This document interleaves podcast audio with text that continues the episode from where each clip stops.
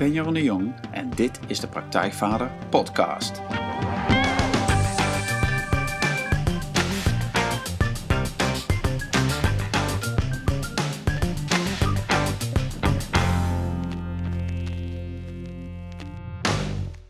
Welkom bij een nieuwe aflevering van de Praktijkvader Podcast, waarin je, eh, zoals je inmiddels weet, eh, elke week een nieuwe aflevering krijgt, een nieuw interview met een man, een vader of een inspirerende persoon die jou verder kan helpen in je vaderschap, die jou kan helpen om de volgende stap te maken in je vaderschap en meer de vader te worden die je kinderen gunt.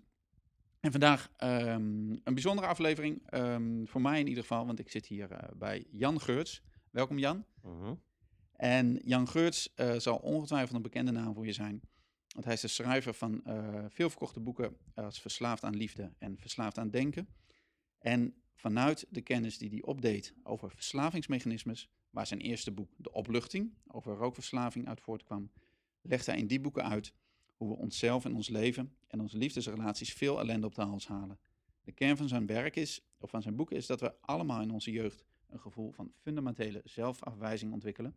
En om die pijn niet te hoeven voelen, zoeken we naar een goed gevoel in bijvoorbeeld uh, verdoving als drugs, maar ook in uh, trainingen volgen, workshops volgen, spirituele workshops volgen. Kan, uh, maar ook liefde, waardering en vooral in onze liefdesrelaties. Nou, Jan Geurts schrijft boeken, uh, maar geeft zelfs ook trainingen en workshops waarin meditatie centraal staat. Vanuit het idee dat als je je hoofd uh, stil weet te krijgen of leeg weet te maken, kun je een volgende stap nemen.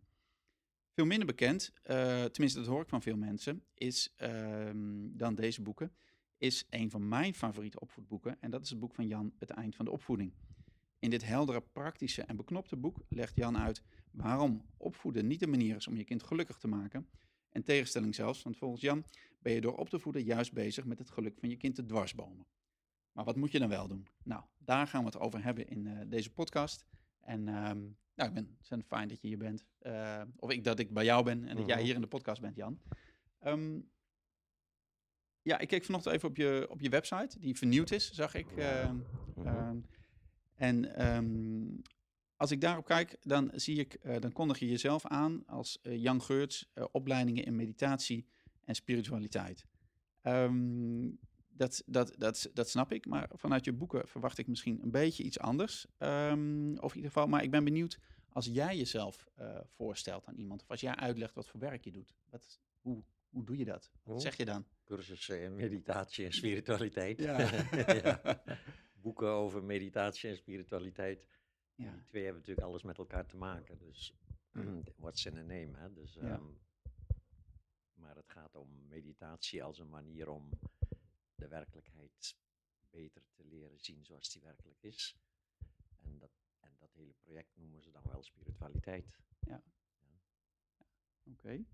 Ehm, nou, ik wil eh, beginnen. Ehm, nou, misschien eerst van, ja, maar wat is spiritualiteit voor jou? Ja, spiritualiteit is wel, dat is goed om te definiëren, ja. want eh, er gebeurt natuurlijk heel veel tegenwoordig wat die naam krijgt. En, eh, voor mij is spiritualiteit is, is alles wat gericht is op het leren herkennen van de werkelijkheid zoals die werkelijk is. En dat impliceert dus al dat we dus doorgaans de werkelijkheid niet waarnemen zoals die werkelijk is. Eh, en daar als het ware een soort misvatting over hebben. En die misvatting die, die, die strekt zich uit zowel naar buiten toe, naar dat wat we doorgaans beschouwen als de werkelijkheid buiten ons. En die misvatting gaat over wat we beschouwen als onszelf. Eh, het beeld wat we van onszelf hebben, onze identiteit. Ja, en vooral dat laatste is, een, is een, een oorzaak van veel ellende. Dat we niet doorhebben dat, dat wie we denken dat we zijn, niet is wie we werkelijk zijn. De spiritualiteit is erop gericht om die misvatting ongedaan te maken of om te doorzien. En op die manier dus meer te leven vanuit je werkelijke staat van zijn. Ja, en als je dat zo uitlegt, dan, dan gaat dat misschien niet zozeer over het, over het hogere of het bewustzijn, maar meer over jezelf eigenlijk. Ja, maar ja, dat wordt ook wel eens hoger bewustzijn genoemd. Wie Ja. je werkelijk bent is een, is een hogere vorm van bewustzijn dan wie we denken dat we zijn. En dat hoger is natuurlijk niet een waardeoordeel, maar is meer iets van in de, zeg maar, in de lijn der ontwikkeling komt dat daarna. Dus eerst ontwikkelen, ontwikkelen we een zelfbeeld. Dat hoort ook zo, dat moet ook. Dus Ja. het is niet zo dat dat zelfbeeld een een soort fout is die voorkomen had moeten worden. We moeten een zelfbeeld ontwikkelen. En in dat zelfbeeld zit automatisch ook ingebakken dat diepe idee dat je van jezelf niet in staat bent om gelukkig te zijn, dat je daar een ander voor nodig hebt. Eh, en dat je dus een soort diep eh, gevoel van, heel bazaal gevoel van behoeftigheid en afhankelijkheid, machteloosheid en, en ook zwakheid en dat soort gevoelens hebt over jezelf, die je vervolgens heel erg, zeg maar, heel erg gemotiveerd bent om dat toe te dekken met liefde en erkenning van anderen. En dat is een aangeleerd systeem wat zichzelf in stand houdt. Hè? Dus als je dat niet doorziet, en je probeert daar, zeg maar, je, je probeert daarmee op te houden, dan zal dat alleen maar ellende opleveren. Dus het gaat niet om, het, om ermee op te houden met dat aangeleerde zelfmet, maar om het te leren zien en het als het ware te overstijgen op die manier. Ja, en dat is nou, nu zeg je in het kort eigenlijk ook de kern van waar het ook in verslaafd uh, aan liefde over gaat. Ja. Mm -hmm. um, en, um, maar wat is, dan, wat is dan de stap die je zou moeten doen, zeg maar, om, om, om dat stuk ja, ja omdat, uh, omdat om, om als het ware de, de ontwikkeling van je bewustzijn te laten doorgaan voorbij de ontwikkeling van het ego.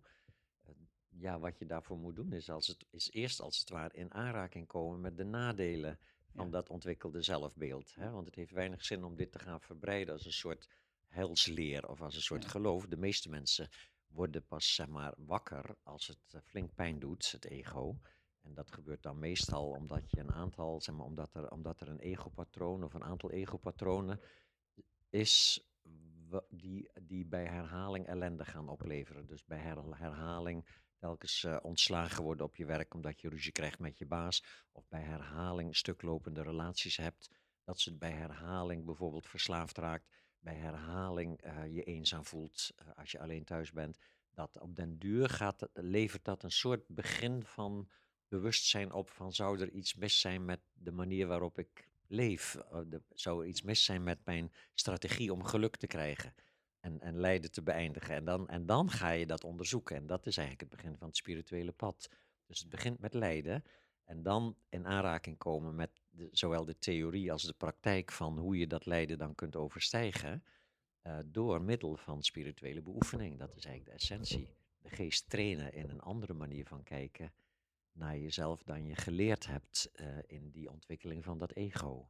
Ja, en nou ja, dat is, dat is wat jij voor werk doet, zeg maar. Ja. En hoe, hoe kun je zeggen van, van als mensen bij jou komen of die het boek doorwerken, wat, wat gaan ze dan doen, zeg maar? En die, als je het hebt over die geesttrain en de spiritualiteit. Dat is een kwestie van leren kijken naar je eigen geest. Dus wat er gebeurt in je geest zijn allerlei automatismen. Uh, ego, aangeleerde egopatronen. Hè? Dus, dus bijvoorbeeld uh, iemand zegt iets en jij verkrampt en wordt daardoor boos en gaat dan lullig doen tegen de ander. En, dat, hè, en, dat, en die vindt dat dan ook weer heel vervelend. En afijn, dat is dus een gebruikelijke manier van, van ruzie krijgen. En dan blijf je bezig. En dat is, ja, ja. Daar, blijf je in en dan kun je op een gegeven moment kun je ook die persoon dan weer uit de weg gaan en hè, dat soort dingen. Dus dat zijn hele kleine voorbeeldjes van egopatronen. Maar als je telkens ruzie krijgt en je gaat dan denken van ja, het is toch wel heel vervelend. Ik kan wel alsmaar de schuld op die ander geven, maar misschien zit er ook iets in mijn manier van kijken. En dat, die manier van kijken, die kun je dus gewoon leren door te gaan zitten.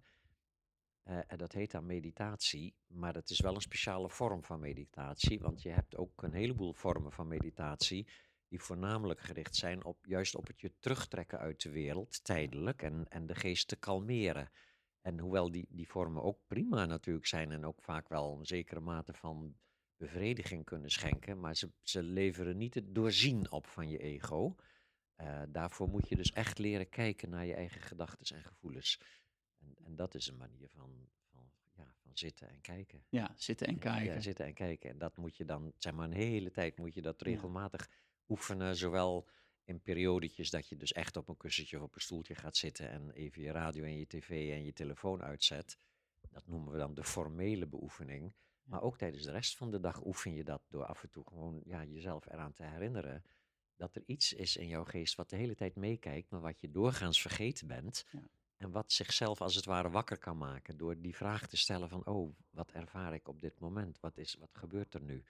Wat voel ik eigenlijk op dit moment? Wat ervaar ik eigenlijk op dit moment? En dan ook nog, en wie ervaart dit eigenlijk? Ja. Ja, en dat zijn vragen die je dan gewoon misschien wel, wel 10 tot 20 of 100 keer per dag stelt, afhankelijk van hoe belangrijk je dit hele project ja. vindt. En dan, dan leer je dus geleidelijk aan te de-identificeren van, je, van de inhoud van je geest, van je gedachten en gevoelens. En je wordt dus steeds meer die ruime, open, heldere blik waarmee je naar gedachten en gevoelens kunt kijken. Ja, het, het klinkt eenvoudig, Ja, maar het is een hele ja het ja, is een heel project. praktijk. Ja, project zeg ja, jij. Hè? Het is een, Ja, ja, het is heel eenvoudig, maar die oude manier van kijken is nogal ingesleten. Precies. Dat, zijn, zeg maar, dat zijn hele diep ingesleten reflexen van een soort van verkramping, waar, verzet. Hè? Er gebeurt iets en het doet pijn en je verzet je ertegen. En het verzet tegen de pijn houdt de pijn juist in stand. En dus verzet je je nog meer ertegen. En dat is dus wat we doorgaans beknelling of lijden Ja. noemen. En om dat als het ware te doorzien en je verzet te staken, je verzet tegen het lijden moet eerst opgegeven worden.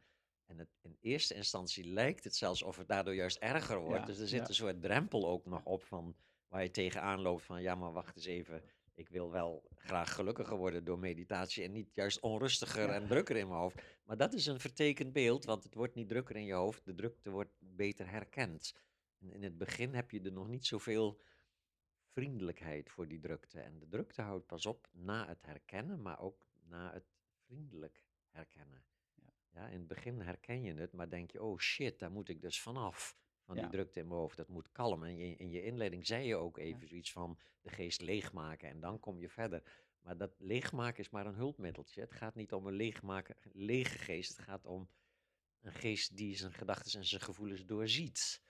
Niet stopzet. Dat kan je wel heel tijdelijk eventjes doen, maar dat heeft geen eh, langdurig resultaat. Nee, je moet echt je gedachten doorzien.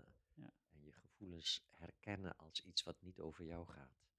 Ja, ik vind het mooi dat je zegt dat het gaat om, eh, om ook mildheid en vriendelijkheid Ja. daarin. En dat Ja. anders wordt het zo snel van ik moet en hard werken en tanden op wordt het- elkaar. dan wordt het een nieuwe religie, hè? een soort strengheid waar je dan moet, aan moet voldoen om in de toekomst misschien ooit dan een soort in de hemel te komen. En dat heet dan verlichting of zoiets. Ja, en dat is een, dat is een herhaling van het oude christelijke idee, alleen met, dan met, met boeddhistische begrippen. Maar dat is dus helemaal niet waar we het over hebben. Hè? Het is eigenlijk echt een ontwikkelen van een, ja, een vriendelijkere, oordeelvrijere manier van kijken naar jezelf.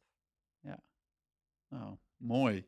Ehm, ja, en, en, ehm, en wat gaat er dan vervolgens? Kun je dat zeggen van als, als je zo'n ja, zo'n project doet, zoals jij zegt, als je Mhm. daar lange tijd mee bezig bent, ehm, wat dat dan, of wat, wat zie jij bij mensen die, die bij jou training hebben gedaan, of wat hoor je van mensen die het boek hebben gelezen, hoe ze anders in hun relatie gaan staan? Ja, en je, hoe je, je sta, gaat anders in je relatie staan. Maar in wezen dus is het vooral de relatie tussen jou en jezelf die vriendelijker wordt. Minder ge- gericht op het voldoen aan allerlei regeltjes. eh, minder, am- minder gericht op het alsmaar binnen zien te halen van, van een soort liefde en erkenning. En het voorkomen van afwijzingen. Dat het, wordt iets zorgelozer, die relatie. En, eh, en dat heeft dan weer invloed op hoe je, hoe je relatie met anderen is. Zowel in je werk als bijvoorbeeld ook liefdespartner, maar ook met je kinderen. Daar, Ja. daar- dat, dat verandert dus allemaal. Ja. Ja, en nou ja, het heet niet voor niks, je boek heet niet voor niks verslaafd aan liefde, is dat je daar dan ook uiteindelijk onafhankelijker wordt van die ander.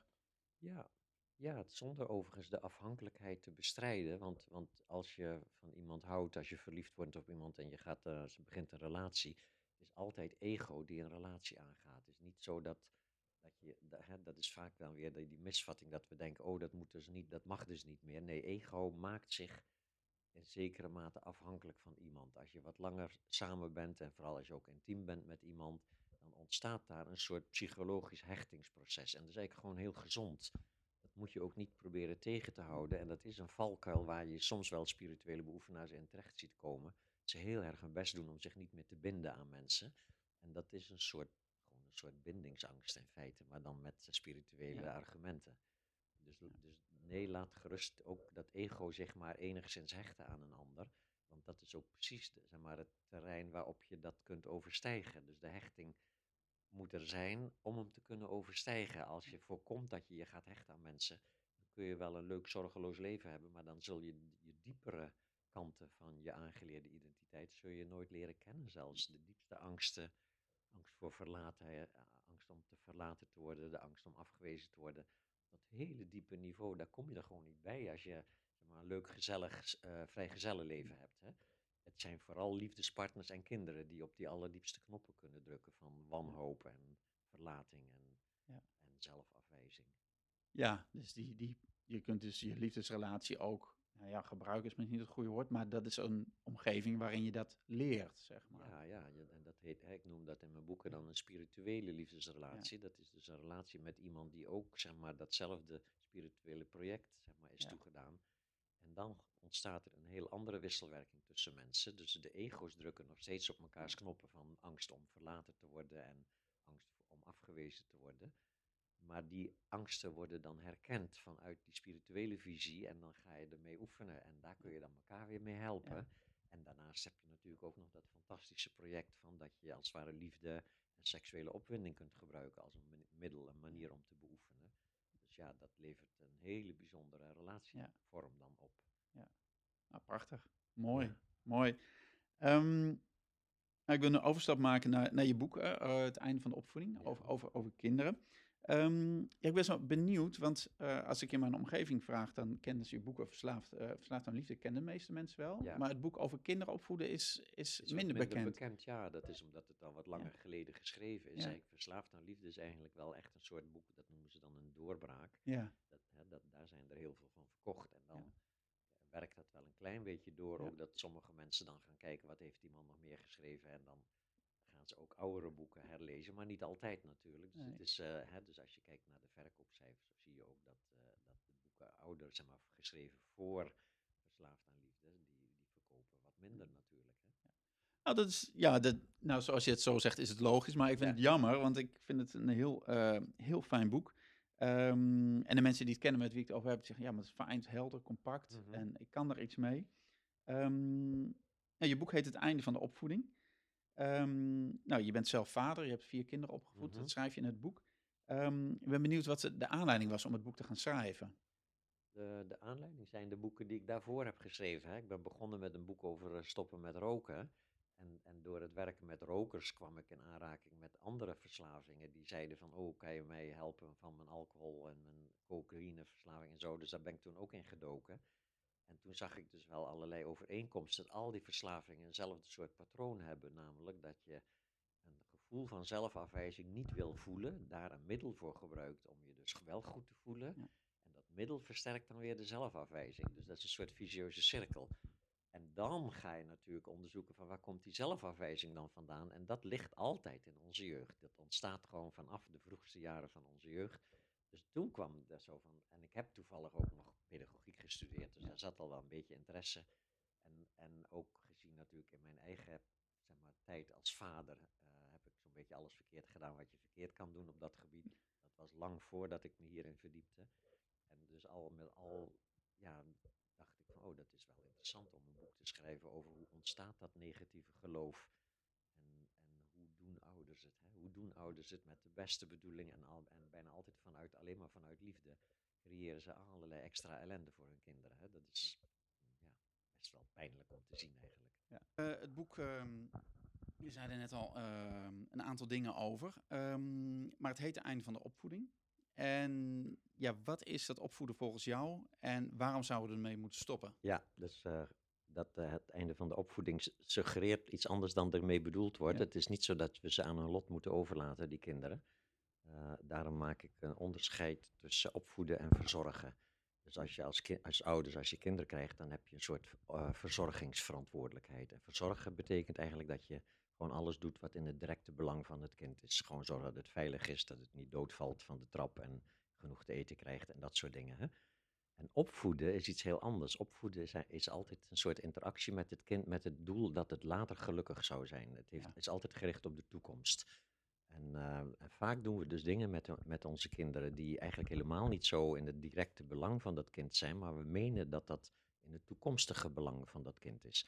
En soms doen we zelfs hele nare dingen tegen een kind, omdat we anders bang zijn dat het in de toekomst ongelukkig zal zijn. Ja. En dat is een systeem wat niet, eh, wat niet oplevert wat je, ermee, wat je ermee bedoelt. Het Mm. kind wordt daar niet gelukkiger door in de toekomst. Eh, sterker nog, vaak leert het kind daardoor dat het dus van zichzelf niet gelukkig kan zijn en dat, jij, dat, het, een, dat een, het een ander nodig heeft om, om ooit gelukkig te zijn. Dus het, het versterkt dat hele idee dat je afhankelijk bent van een ander voor je geluk. Ja. En En dan hebben we het ja. nog over de, zeg maar, de gewone normale vriendelijke interacties. Want veel ouders, soms gaan ouders ook helemaal de mist in. En En doen ze zelfs hele kwalijke dingen met hun kinderen. En nog steeds allemaal vanuit een angst dat het anders niet goed Ja. terecht zal komen met dat kind. Hè? Dus Ja. het- de bedoelingen zijn altijd wel goed, maar de methode is eh, zeg maar, totaal contraproductief. Er levert een hoop eh, extra ellende op voor Ja. kinderen die helemaal niet nodig is. Ja, en daar zouden we mee moeten stoppen. Ja, dus dat je? deel kan je, daar kan je mee ophouden met dat Ja. idee dat je, dat je verantwoordelijk bent voor het latere levensgeluk van je kinderen. Ja, je kan wat bijdragen aan hun huidige geluk en dat levert vanzelf hun vermogen op om later gelukkig te zijn. Ja. En dat, maar dat vraagt een hoop, ehm, eh, als je van, van ouders en hoe ik er zo zelf in sta en hoe ik zie hoe anderen dat doen. Dat vraagt over heel veel eh, eigenlijk ideeën van hoe het zou moeten, dat je die loslaat. Ja, inderdaad, want, eh, want dat hele idee dat er een soort methode zou zijn die volmaakt is. Ja, dat hebben alle ouders. En hè, wij alle ouders zoeken, lezen soms ook boeken. En dan denk je van, oh, ik wou dat ik zo met mijn kinderen kon omgaan. Hè? Dan heb je een soort ideaalbeeld van, hè, met, met prachtige mooie communicatiestijlen en dat soort dingen. En, en, en natuurlijk, daar zitten ook goede kanten aan. Alleen het probleem ontstaat altijd dat je meent dat je dus aan die nieuwe opvattingen moet voldoen. Dus weer zijn het opvattingen die belangrijker zijn dan de werkelijkheid op dat moment. En je meent dus altijd dat je, dat je kinderen zich anders moeten gaan gedragen dan ze zich nu gedragen, maar vaak ook dat je zelf als ouders tekort schiet, omdat Ja. je eh, niet aan dat ideaalbeeld voldoet. Dus er schijnt altijd die zelfafwijzing en die angst voor zelfafwijzing doorheen. Dat is wel de grootste zeg maar, verkramping die je als ouder hebt. Die enorme angst dat als dat kind niet goed terechtkomt, als het kind niet gelukkig is, dat jij dan faalt. Dat is een enorm beknellend gevoel voor ouders. En daardoor, daardoor komen ze in een soort kramp terecht, die heel veel ellende oplevert voor zichzelf en voor die kinderen. En ik hoor ook soms wel eens reacties van ouders die dan dat ineens doorzien en die ineens als het ware dat kind kunnen zien meer vanuit een spiritueel perspectief als een soort kleine volwassene die een soort van periode heeft waarin die wat bijgestaan moet worden op het praktische vlak met zorgen voor eten en zorgen voor kleding en dat soort dingen. Maar, maar tegelijkertijd gewoon zijn eigen weg gaat. En jij als ouders bent helemaal niet verantwoordelijk voor die weg van dat kind. Voor wat het kind allemaal moet meemaken. En sterker nog, zelfs pijnlijke dingen kunnen enorm bijdragen aan, aan het geluk van een kind als het leert om met pijnlijke dingen om te gaan. En daar zie je al de eerste valkuil. De meeste ouders verkrampen als hun kind iets pijnlijks meemaakt. En de lieve ouders gaan dan heel erg troosten en, en proberen het kind als het ware zo snel mogelijk uit dat pijnlijke gevoel te trekken van hier heb je een koekje en een kusje erop en, eh, straks is alles weer over. En, ja, en, de, en de, wat, zeg maar, de wat bekneldere ouders die worden dan heel erg, ja, heel erg zenuwachtig. Zeggen, "Hè, kijk nou toch uit, weet je wel, als het kind met zijn kop tegen de kastdeur aanloopt. Hè, wat verdomme nou toch, kijk nou toch uit, weet je wel. De ouder heeft zelf pijn omdat dat kind huilt, omdat het kind zich pijn doet. Het was zo leuk aan het spelen en kijk nou toch eens, ineens doet het zich pijn. En je voelt jezelf schuldig als ouders als je dat ziet. En dat levert een enorme belasting op voor zowel de ouders als de kinderen. Want het kind voelt dan, hé, hey, het is verkeerd om, om pijn te hebben. Ik ben, hè, en, en dan als je, zeker als je huilt, dan doe je kennelijk iets verkeerds. Want ouders doen hun uiterste best om je weer aan het lachen te maken en brengen. En kortom, die hele zeg maar, die hele antagonistische houding ten opzichte van pijnlijke emoties, die ouders natuurlijk ook ten opzichte van zichzelf hebben, als ze geen spirituele training gehad hebben. En dat dragen ze over op hun kinderen. Dus kinderen leren ook dat een, een pijnlijk gevoel, nou, dan heb je iets verkeerds gedaan. Ja. Dan, en dat is dus zelfafwijzing. Het pijnlijke gevoel zelf nog niet, maar de, het oordeel over het hebben van een pijnlijk gevoel, is, dat is zelfafwijzing. Ja, en daar kom je weer in, die, in dat stuk terecht waar we het aan het begin over hadden. Over Ja. die, die, die zelfafwijzing en het zoeken. En dan later, op latere leeftijd, dat gaan, eh, gaan willen vermijden of willen Ja. verdoven. Ja. Of, ja. Mhm. ja, nou en in je boek beschrijf je dat, dat, ehm, ja, dat lijkt bijna een soort, soort cirkel, maar ehm, dat we het, het, het beeld hebben van onszelf, van onze identiteit, eh, noem, noem Mhm. jij het, van het beeld van onszelf, van hoe de wereld ons ziet, dat dat ons ook in de weg zit. Ehm, en je zei het net al, ehm, de oplossing daarvoor is heel eenvoudig.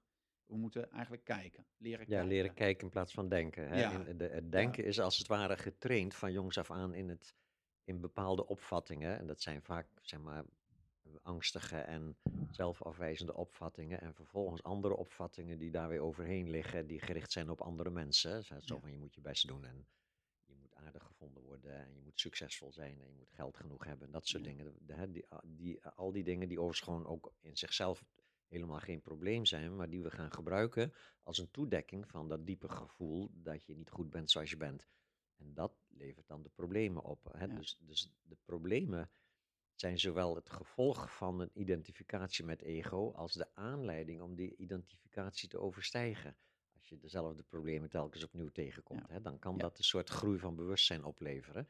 Waarin je je gaat afvragen, kan ik misschien op een andere manier leren kijken? En dan kom je vaak in aanraking met die spirituele boodschap, met een boeddhistische of een Advaita of wat dan ook de, hè, de, het kanaal is via welke dat dan die kennis tot je komt. En ja, en dan ga je dus op een of andere manier oefenen in het op een andere manier kijken naar je gevoelens. Hè? Ja, en dat is, hè, dat zei je net ook, maar dat is, ehm, dat is het begin. Leren ja, dat is het begin van spirituele ontwikkeling. Ja. En, En, en, dat, en, daar, en daar gebruik je alles voor wat op je weg komt. Dus, dus ook als je een relatie hebt, dan wordt er ook op knoppen gedrukt. Voel je je af en toe ook bekneld. En als je kinderen hebt, voel je je ook af en toe bekneld als ouder. En al die beknellingen worden dan even zoveel als het ware stimulansen en zelfs hulpmiddelen om dat ego te overstijgen. Dus nog steeds, het ego hoeft niet bestreden te worden, het mag er zijn, maar jij bent het niet. Ja. Dus eigenlijk, ego is niet het probleem, maar de identificatie ermee. Het versmolten zijn met dat aangeleerde zelfbeeld, zonder dat je doorhebt dat het een aangeleerd zelfbeeld is, is meestal waar het mee begint. Maar, kinderen hebben geen enkel idee over zichzelf dat het een aangeleerd zelfbeeld is. De meestal wordt dat pas wakker als je volwassen bent. En dan is er meestal nog eerst een andere obstakel. En dat is dat je zodra je doorkrijgt dat, dat je een ego bent. En dat daarin patronen zitten die, die niet zo handig zijn. Wil je er heel graag van af. En dan kom je dus in die valkuil, wat ik wel de dissociatievalkuil noem. Hè? Dus na de versmelting komt de dissociatie. Dan wil je er vanaf. Ga je heel erg je best doen om bepaalde dingen anders te doen dan je ze gewend bent te doen. En daar zit vaak wel een zekere vooruitgang in, maar tegelijkertijd een nieuwe verkramping, een nieuwe ja, want het moet anders. Ja, en, hè, want het is nog steeds op straffen van zelfafwijzing dat je dan bepaald gedrag uh, gaat ontwikkelen. En daaroverheen zit dan die vriendelijke blik van ego is niet het probleem, de identificatie ermee is het probleem. Ja, ja, ja, en, um, en als nou ja, mensen luisteren dit, zeg maar, en die denken van oké, dat, dat, dat volg ik. En wat zou jij aanraden, wat de eerste stap is op, dat, die weg naar meer bewustzijn, zeg maar? Op die weg, of de eerste stap in dat kijken die mensen kunnen nemen? Dat is meditatie. Gewoon, meditatie. gewoon zitten. En, en uh, daar moet je natuurlijk de juiste instructies voor hebben, maar die kun je zo op YouTube, kun je die overal vandaan halen. Er zijn zoveel mooie filmpjes van leraren die uitleggen hoe je dat moet doen, hoe je dat moet kijken naar je eigen gedachten en eigen gevoelens. En, en uh, op, op, mijn website kan je een paar audiofiles downloaden die dat ook zeg maar, uitleggen terwijl je het doet. Hè. Dus je kan er gewoon mee beginnen. En natuurlijk, verder moet je wel regelmatig zorgen voor een soort inspiratie, een soort input, een soort spirituele input door contact te leggen met andere mensen die hiermee bezig zijn. En eventueel ook met een leraar die dat dan af en toe weer opnieuw uitlegt. Ja. En af en toe ook zeg maar, eventueel vragen beantwoordt van oké, ik loop hier tegenaan, hoe zit dat? Is dat nou dit, is dat nou dat? Dat soort dingen dat kunnen wel heel erg ondersteunend zijn, maar de essentie is gaan zitten en kijken in plaats van te denken. Ja? Denken is als het ware het automatisme. Ja. Leren kijken naar gedachten bevrijd je van dat automatisme.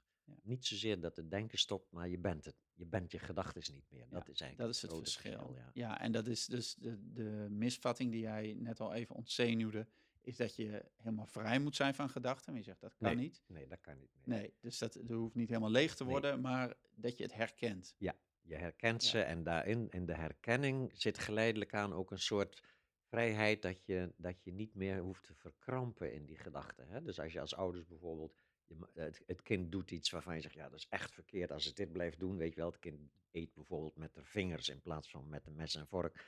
En dat is zo een klassiek voorbeeld natuurlijk van dat mensen denken van ja, maar als hij dat blijft doen, dan gaat hij later uitgelachen worden. Dus we moeten hem leren met mes en vork eten. En die hele training is vaak heel erg dwangmatig, heel erg zeg maar, opgelegd. En terwijl kinderen natuurlijk razendsnel doorkrijgen dat als ze bij een vriendje gaan eten, dat ze veel beter met een lepel kunnen gaan eten. Hè? Dus dat soort dingen. Hè? Maar die, verkramping, die angst die je als ouders voelt, als dat kind dan iets doet en, en dat gevoel van, oh, ik moet ingrijpen, want anders en, en, en die hele meditatietechniek, die helpt jou om op dat moment dat ook te herkennen. Dus je herkent dan die onrust, je herkent die verkramping, je herkent die angst dat het kind verkeerd terecht gaat komen, dat jij haar op het goede pad moet brengen of zoiets. En dan, en dan kun je het laten. Dan kun je als het ware de humor ervan inzien dat het kind met, met de vingers eet. En Je kunt, ik beschrijf ergens een soort feestje van dat je een keer een maaltijd organiseert met, met, a- waarin alle volwassenen ook met hun vingers eten. En dat dat gewoon heel feestelijk is. Ja. en dan geleidelijk aan kun je natuurlijk wel af en toe vertellen dat de meeste mensen met bestek eten en dat dat ook zijn voordelen heeft. Maar het, het, het, is dan vrij van dat hele, dat strenge, dat van oeh, hier- moet ik iets aan doen vanuit je ouderlijke soort eh, opvoedingsverkramping. Hè? Het wordt zoveel leuker om met kinderen om te gaan als die, dat hele idee dat, je, dat er een soort zware last op jou drukt, dat jij verantwoordelijk bent voor hun geluk en, hè, en vooral hun latere geluk dan. Dat, ja, die ontspanning levert Ja. een hoop eh, plezier op.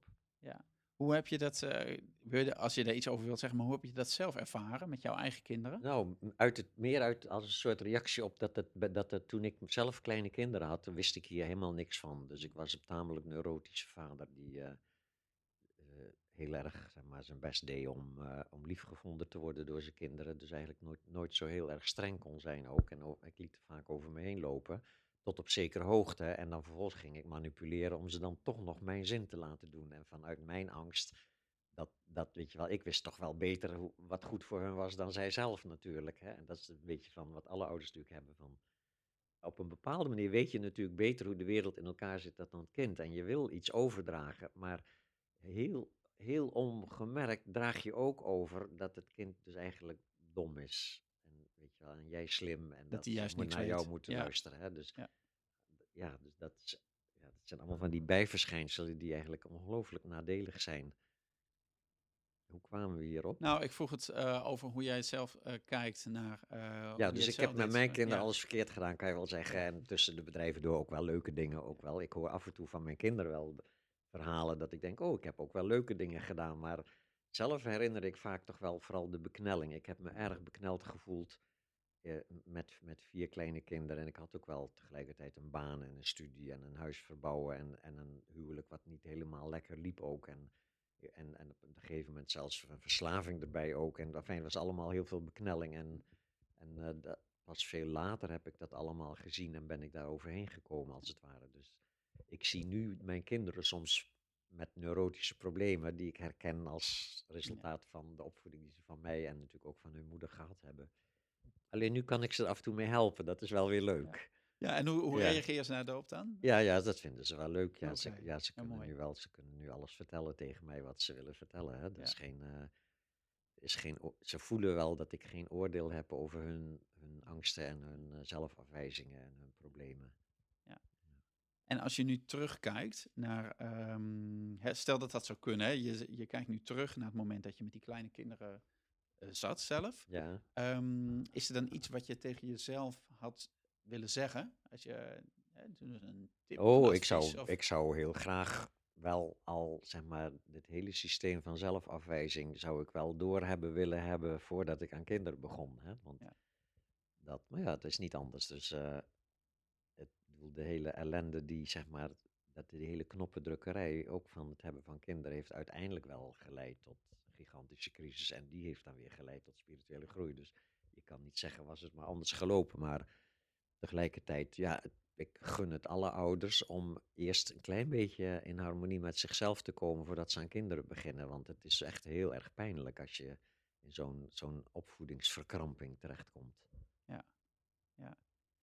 Ja, ja dat, is, dat is mooi. Eh, en dat vraagt dus ook van ouders dat ze dat eh, eigenlijk op het moment dat ze een kinderwens hebben of aan kinderen willen beginnen, dat ze dat hele stuk ook serieus nemen. Dat, er, dat er Ja, iets. Ja, iets- dat is wel waar. Ja, het is eigenlijk wel heel grappig dat je, kan, met- je mag aan kinderen beginnen zonder enige vooropleiding, terwijl er toch ongelooflijk veel overgedragen wordt van jouw, zeg maar, neuroses op die, op die kinderen. En, eh, en op zijn minst een soort psychologische cursus, een soort van ouders in wording cursus of zo, zou al heel erg handig Ja. zijn. Een beetje communicatietraining erbij en zo, een beetje geweldloze communicatie, een beetje Gordon-achtige methodes en zo. Praten we nog niet eens over meditatie en verlichting en dat soort dingen, maar gewoon een soort psychologische gezondheid aanleren zou al heel veel ellende schelen natuurlijk. Hè? Maar ja, de samenleving produceert natuurlijk gewoon zijn eigen om, omstandigheden. Ik bedoel, als je kijkt naar het onderwijs, dat is natuurlijk ook zeg maar, om te huilen hoe erg die omstandigheden daarin zijn. Hè? Dus dat is gewoon de, ja, hoe we met onze kinderen omgaan, is toch een soort afspiegeling van de relatie die we met onszelf hebben. En die is niet heel erg goed gemiddeld genomen in onze wereld. Ja. De meeste mensen hebben, zijn, willen eigenlijk liever zichzelf niet tegenkomen. En het is grappig dat jezelf Ja. tegenkomen zo'n een, een uitdrukking is die onmiddellijk aangeeft dat er iets onprettigs gebeurd is. Hè? Dat, hè? Terwijl je juist met, met spirituele beoefening leer je eigenlijk dat het heel leuk is om jezelf tegen te komen. Maar wel via het jezelf tegenkomen nog in de onprettige manier. Dus je gaat als het ware je, je, jezelf, je negatieve zelfbeeld niet langer uit de weg. Je gaat door de onprettigheid heen en dan ontdek je dat je eigenlijk best wel heel erg leuk bent. Ja. Ja, ja, dat vraagt een commitment om dat aan te gaan. Of dat Ja. durf of weet ja en ja, is, inspiratie is Ja. het. Ik noem het inspiratie. Er is iets van binnen wat al staat te trillen, als het ware. Al iets van, al staat te roepen van, hallo, mag ik ook eens meedoen, weet je wel. Je ware zelf zal ik het maar noemen. Of je innerlijke leraar of je Boeddha-natuur of zo. Ja, dat voelen, dat voelen mensen dan wel. Mensen beginnen meestal ook vanuit zo'n inspiratie. Hè? Je leest een boek of je ziet eh, op YouTube een filmpje en denk je, ja, de, de, de, ja, een soort enthousiasme, een soort van, ja, dit wil ik ook. Hè? Ja. Dat, en natuurlijk via allerlei botsingen en omwegen en, en obstakels kom je dan uiteindelijk erachter wat je werkelijk bent. Hè? Ja, mooi. Ehm, ja, in het, ehm, in het boek ehm, geef je echt, nou voor mij het is één hoofdstuk, volgens mij is het uit mijn hoofd hoofdstuk 12. Daar leg je het, wat jij noemt, het nieuwe oude kind paradigma uit. Mhm. En nou ja, voor mij, ge- geloof ik in 20 bladzijden, leg je voor mij de essentie neer wat, wat opvoeden zou moeten zijn. Mhm. Nou, dat moet iedereen lezen. Ja, Ehm, dat dat zijn die vier ja, slogans. dat begint met kijken. Ja, kijken Ja. eh, en dan erkennen of herkennen en dan vertrouwen en loslaten, die vier. Hè? Ja, kun je daar iets ja, over dus, vertellen? dus ja, het is inderdaad een soort nieuw paradigma, maar het, het, het zegt er tegelijkertijd bij dat, je, dat het zeg maar, zo, zo min mogelijk paradigma moet worden. Hè? Dat, want paradigma is eigenlijk ook weer een soort van model waarmee je naar de werkelijkheid kijkt. En het is eigenlijk de bedoeling dat je jezelf juist een beetje bevrijdt van dat er een soort ideaalbeeld zou zijn van hoe je met kinderen omgaat. Het is gewoon eigenlijk, gewoon in werkelijkheid is omgaan met kinderen is gewoon, zeg maar, het echte ruige leven, kan je wel zeggen. En dat gaat gewoon af en toe gewoon hard tegen hard. En dat mag. Daar is niks mis mee, zelfs in zichzelf. Dat, hè? Dus het hele idee van er is een ideaalbeeld, is een obstakel. En bedoel En je met omdat- hart tegen hart aan dat je Gewoon jezelf tegenkomt? Ja, je komt jezelf tegen, je kinderen doen je pijn, jij doet je kinderen pijn, je plakt ze achter het behang in een opwelling, weet je wel. Al die dingen gebeuren en het idee dat je dat zou moeten voorkomen, Ja. is al een onderdeel van het hele probleem. Ja, het gaat gewoon af en toe mis. En het mooie is als je dan meteen daarna al kan erkennen dat dat erbij hoort, dat er niks, niks ergs gebeurd is. Natuurlijk, als jij degene bent die zeg maar, ontspoord is, dan bied je je verontschuldigingen aan, maar niet vanuit zelfafwijzing, maar juist vanuit eigenwaarde. Ja, en dat is wat kinderen weer heel erg waarderen, dat, hè, dat ze erkend worden in hun emotie. Ja, dus, dus, dus geen paradigma in de zin van dit is nu het ideale beeld en hier moet je aan gaan voldoen als ouder. Nee, liever niet voldoen aan een ideaalbeeld. En dus in plaats daarvan leren kijken. Ja. En wat je doet is leren kijken naar, naar gedachten en gevoelens en, en dus ook naar die van je kind. En je ziet dus op een bepaald moment in het, in, door het gedrag van een kind heen, zie je dat het kind een bepaalde gedachte of een bepaald gevoel probeert tot uiting te brengen. Dan erkennen dat is het eerste wat je doet als je leert kijken zonder oordelen, is erkennen. Dus voor een kind is het heel belangrijk dat het, dat het erkend wordt in dat gevoel of die gedachtes. Dat, dat staat nog helemaal los van wat je ermee zou moeten doen. Ja? En, en het voorbeeld wat ik eh, in dat boek wil geven is ergens van het kind zeurt om een ijsje. Heeft net een ijsje gehad. Ijsje is op, gaat zeuren om nog een ijsje. Een half uur voor het eten. Ja, dus als ouders vind je dat, drukt op een knop. Ten eerste op een knop van ondankbare hond, je hebt net een ijsje gehad, hoe durf je? Ja, en ten tweede, ja, maar wacht even, straks eten we en dan straks helemaal geen eten meer op en zo. Hè? Dus verontwaardiging, ja, dat is de eerste trigger als het ware. Ja? Nu, als je kijkt, dan zie je je eigen verontwaardiging en, dan, en die hou je bij jezelf. Ja? En je ziet het kind verlangen naar nog een ijsje. Ja, ijsjes zijn lekker. Heeft net een ijsje op, kan nog wel een ijsje op, verlangt naar een ijsje, vraagt mag ik nog een ijsje. Er is helemaal niks verkeerds aan de hand. Ja? Dus erkennen betekent, oh, ik zie dat je ijsjes heel lekker vindt, hè? Nou, dat snap ik best. IJsjes zijn hartstikke lekker, ja. En dan zeg je natuurlijk op dat moment, komt daar achteraan, je krijgt er nu geen, want we gaan zo eten, of je krijgt er nu geen, want je hebt er net één gehad. Dus die, uh, die grens stellen mag beslist. Maar dat gaat over het gedrag, over wat je doet, wat je geeft of wat je niet geeft. Ja, welke ruimte je geeft, welke ruimte je niet geeft. Dat gaat over gedrag. Maar daarvoor zit altijd een verlangen, een behoefte, een gevoel wat geuit wordt door dat kind. Ja? En dat erkennen geeft als het ware bevrijdt je van allerlei wisselwerkingen. Ja, want wat gebeurt er doorgaans? Dan zeg je tegen het kind van ben je nou helemaal blazen? Nog een ijsje, kom zeg, je hebt er net een gehad. Dat is een afwijzing van het verlangen naar een ijsje. Het kind voelt zich afgewezen en zegt, nee, ik wil nog een ijsje, weet je wel. Wil erkenning voor haar gevoel, maar uit dat als, ik wil een ijsje. Ja, en gaat dus zeuren en jij wordt alleen maar nog geïrriteerder. En fijn, dat is zo'n, dat loopt ergens loopt dat dan uit op een soort verbod op zeuren of uh, ga maar naar je kamer of wat dan ook. Hè? Dus het is een wisselwerking. Hè? Door dus, dus sowieso door niet goed te kijken, door je eigen irritatie niet herkend te hebben, reageer je op het, uiten van een gevoel van dat kind met irritatie, met afwijzing. En dan gaat de hele boel gewoon op de ouderwetse manier mis. En, en als je net dat moment even helder genoeg bent en je zegt, ah, mijn eigen irritatie is gewoon mijn irritatie, geeft niks, mag best. Dan zie je dat het kind een verlangen uit. Er is nooit iets mis met een verlangen. Verlangens zijn nooit verkeerd. Ja, en dan zeg je, oh, ik zie dat je dit en dat en dat verlangt. Ja, met een soort van geeft niks, mag best. Alleen, ja, je krijgt het nu niet. En, dan zit, en dan een soort vertrouwen, dat is die derde, hè, dus kijken, erkennen, vertrouwen. Vertrouwen is hier dus eigenlijk gewoon vertrouwen op je, op je eigen integriteit. Dat je zegt van ja, nee, het is gewoon zo volstrekt. Voor mij is het op dit moment gewoon volstrekt duidelijk dat je niet nog een ijsje krijgt vlak voor het eten.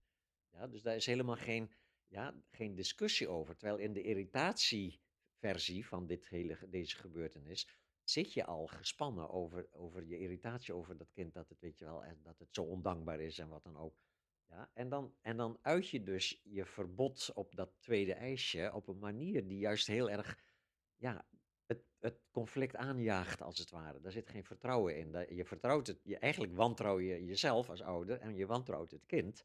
Ja, want je denkt, oh, dit is het begin van weer zo'n zeurbui. Ja? En wil je dan eigenlijk ook dat je kind ehm, jou ook snapt, zeg maar? Of dat hij jou weer erkent in, in dat... dat... Nee, dat hoeft niet per se. Nee, nee, je zegt van je krijgt geen ijsje nu. Dus nadat je het kind erkend hebt in, de, in dat verlangen, zeg je je krijgt geen ijsje, want we gaan zo eten. En dan loslaten is gewoon, voor jou is daarmee het onderwerp afgehandeld. Dus je gaat door met iets anders, wat, wat je dan al aan het doen was of zo. Nu, het kan best zijn, de kans is kleiner dat het kind gaat zeuren. Want ten eerste, het is erkend in zijn verlangen. Het voelt zich niet afgewezen. Ja? Ten tweede, jij geeft duidelijk te kennen dat er geen sprake is van onderhandelen of zelfs maar. Ja? Dus dat, hè, maar stel dat het dan toch nog doorgaat, dan ja, is er verder geen probleem. Want jij bent al ervan overtuigd dat er geen probleem is. Ja, dus het wordt, dan kun je eventueel gaan negeren.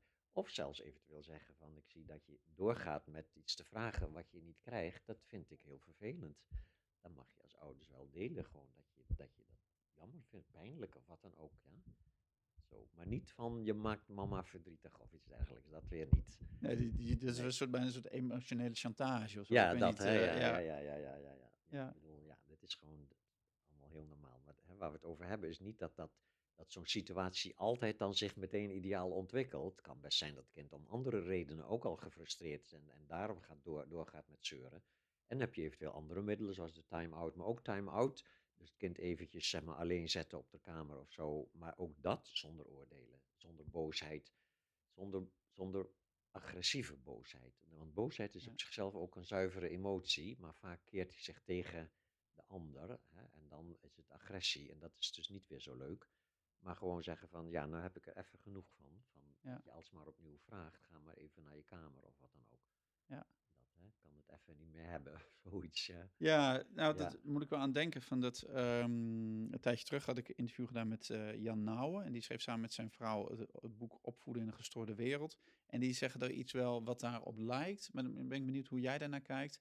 Ehm, die, die proberen ook het, het drama, zoals zij dat noemen, er- eruit te halen. Ja.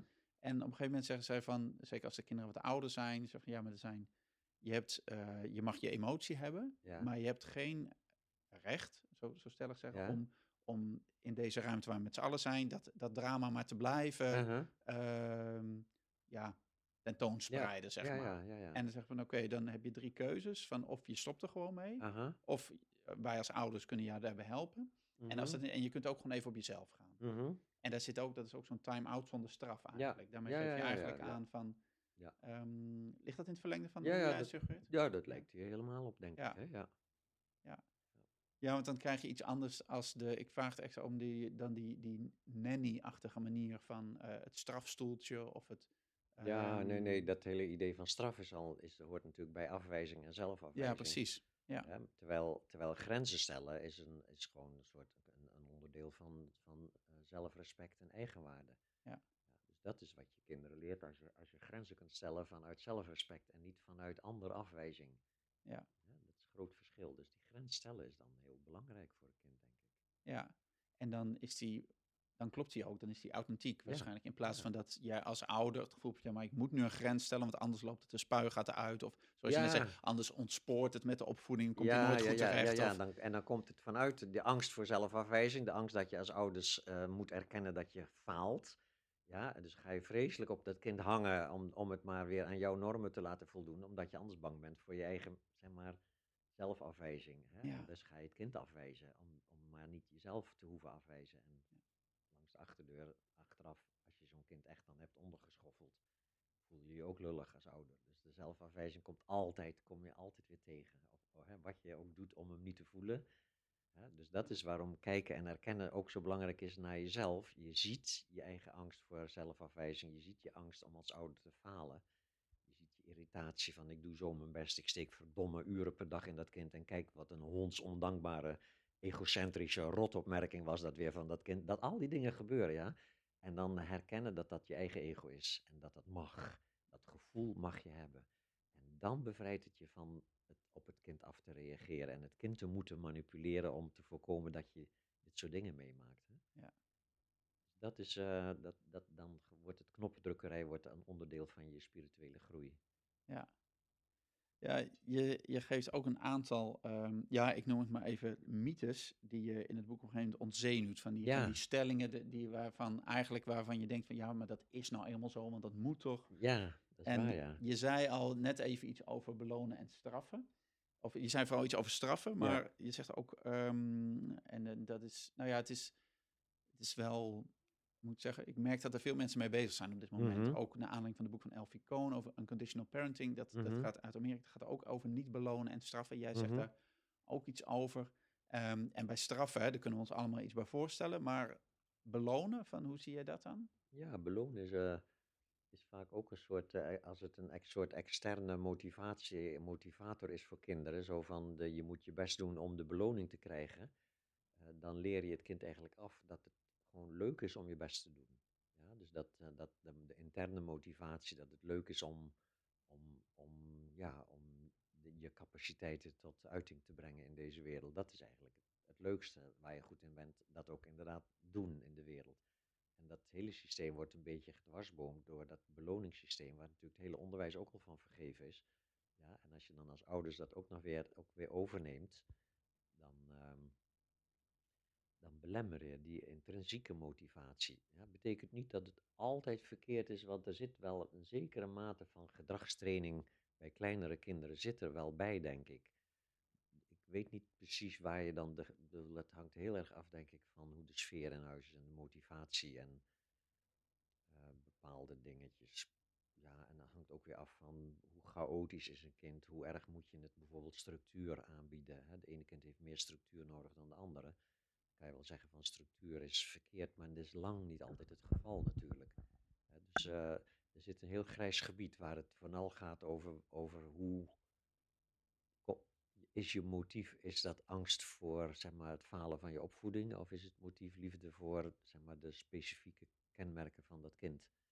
Ja, dat is een soort, maar dat is een vage opmerking, Ja. begrijp ik. Daar, ik heb ook Ja. geen kant-en-klare antwoorden daarop. Nee, maar- maar, ik denk wel dat, dat, dat de, de complimenten die je geeft als een kind, eh, weet ik veel, een tekening heeft gemaakt, of die zegt, oh, goed zo, of ehm, Ja, dat, ja, dat Ja. soort, ja, soms, soms staan ouders al te juichen als het kind alleen maar wat gekrast heeft. En zo van, volgens mij gaat het kind dan, gaat het kind- argwaan als je zomaar wat krast op papier en ouders staan te juichen. Wat een fantastische tekening. Misschien niet dat het kind zich daar heel bewust van is, maar volgens mij weet je ergens dat je belazerd wordt. Ja. Ja, dat je dus in de hemel geprezen moet worden. En dat is misschien wel goed ook om, want vaak denken ouders, het kind moet veel bevestiging krijgen en dan krijgt het veel eigenwaarde.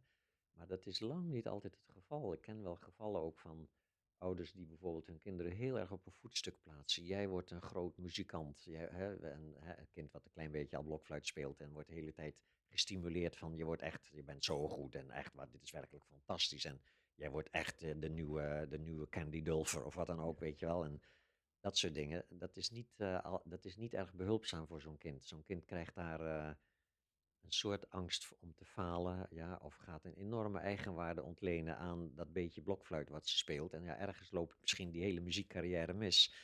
En dan valt ineens een enorm stuk, zeg maar, geleende eigenwaarde valt weg voor zo'n Ja. kind. En dat zijn allemaal pijnlijke dingen. Dus ook erkenning is, is niet hetzelfde als eh, complimentjes. Erkennen is gewoon erkennen wat er is. Hè? Dus het kind, het kind heeft een, dat kan ook erkennen zijn van, oh je hebt zin in een ijsje terwijl je er net in gehad hebt. Dat is ook erkennen.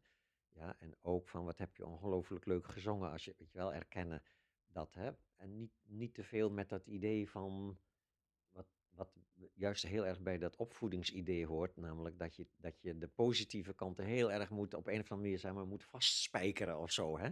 Zo van dan, dat, dat moeten ze vasthouden, dat positief. Ja, ze doen iets leuks en oh, dat moet je vasthouden. Belonen, weet je wel, zoiets. ja, in de hoop ja. dat het zich blijft Ja, en- herhalen. ja, of- precies. Ja, en hoop ja. dat het dan blijft doen. En Ja. ja, ja dat is eh, helemaal niet nodig en een beetje contraproductief, een beetje averechts is dat. Ik denk ook gewoon dat je dat tegelijkertijd, ja, als een kind met een goed rapport thuiskomt, dan moet je niet, moet je ook niet vermijden dat je daar je vreugde over kunt uiten, een soort bewondering daarover mag uiten.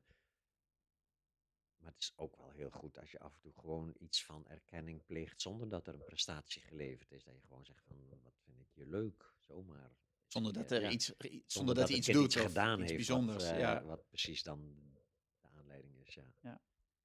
Ja, wat ik ook een mooie vond, die ontzenuw je ook eh, in het boek, ehm, is, is over het consequent zijn. Dat is Ja, die, dat die, was- die ken Ja, ik zelf ouders heel moeten, erg. Ouders ja, moeten consequent zijn. Hè? Als je eenmaal nee gezegd hebt, dan moet je wel nee blijven zeggen. Hè? En ja, die consequentheid, dat is echt een, dat ouderlijke ego. Hè? Dat is echt gewoon van, ja, je, de, de angst om controle te verliezen. En dan moet je dus, eh, maar al, hè, dan moet je heel duidelijk zijn. En, eh, dus nee, dat hoeft niet hoor. Je mag, het is veel leuker om gewoon te kijken naar de werkelijkheid. Hè? Ik geef daar dat voorbeeld in, hè, van dat doorgaande de regel is dat het kind na het avondeten niet meer naar, met vriendjes gaat spelen. Dat is een soort ingebakken, weet je wel, een soort van gewoonte is dat. En, en dan wordt dat jongetje wordt gebeld door een vriendje na het avondeten dat zijn kat aan het jongen krijgen is. Kom je kijken, weet je wel, zij is nu aan het jongen. En dan, ja, als je dan als ouder zegt van nee, want we hadden toch afgesproken dat je na het eten niet meer weg mocht naar vriendjes. Ja, dan ben je ergens gewoon niet in contact met de werkelijkheid, hè. Dus dan breek je gewoon al je, breek je je regel. Dan ga je eventueel mee met dat kind om naar die, die jonge katjes te kijken. Hè? Dus dat soort dingen. Dat, dat je laten verrassen door de werkelijkheid. Hè? In plaats van heel erg eens daar een soort rooster op leggen van waar die werkelijkheid dan aan zou moeten voldoen. Ja.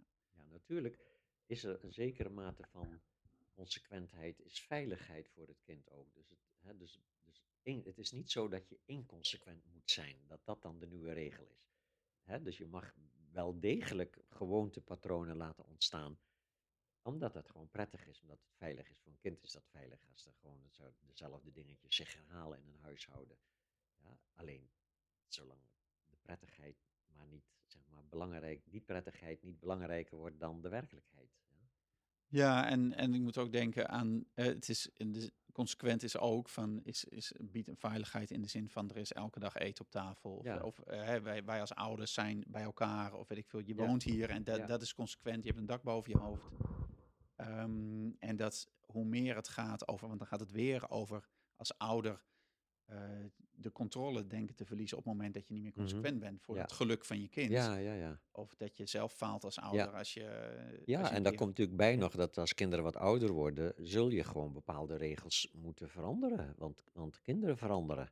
Dat, hè, dat, dat, ik beschrijf dat ergens als de opkomende vloed. Hè. Je kan wel ergens een bord neerzetten van je mag, je moet om tien uur s'avonds thuis zijn, maar dat bord moet je verschuiven. Ja, want als het kind een jaar ouder is, wil het misschien wel om elf uur thuiskomen s'avonds of zo. Dat schuift op.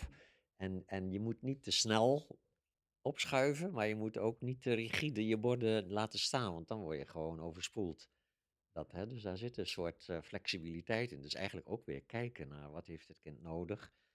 Ja, en dat is zowel vrijheid als veiligheid en daar een soort middenweg in vinden en zoeken. Ja.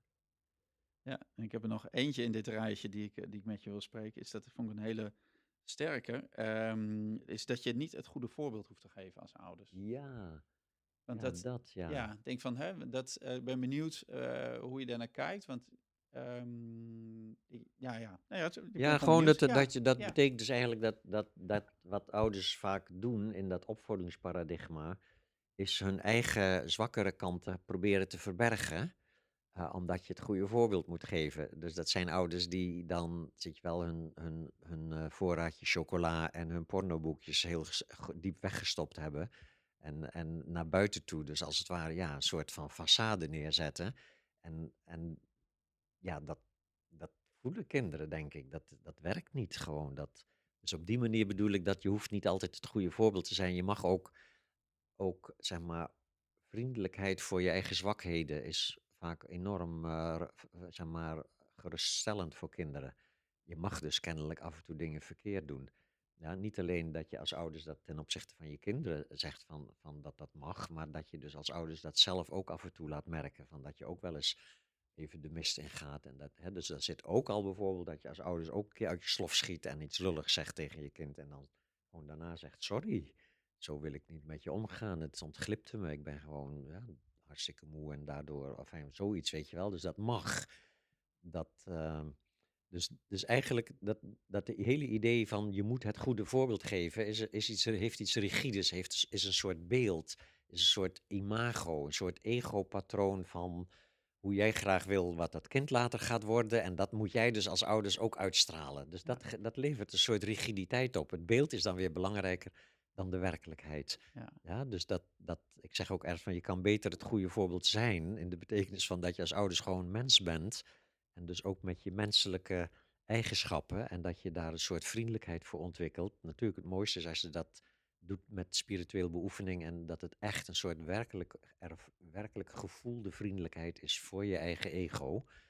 En die vriendelijkheid vertaalt zich ook naar vriendelijkheid voor dat ego in ontwikkeling bij je kind. Maar hoe doe je dat dan met je voorraadje chocola?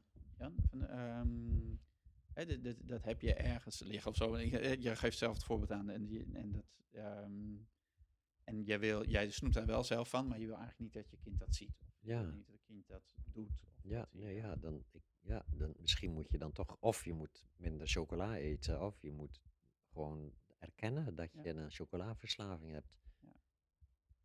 Ja, dat lijkt me echt eh. Veel beter, Ja, precies. Ja. Dan geef je iets aan je, bij Ja. jezelf toe. Ja. Ja. Ja.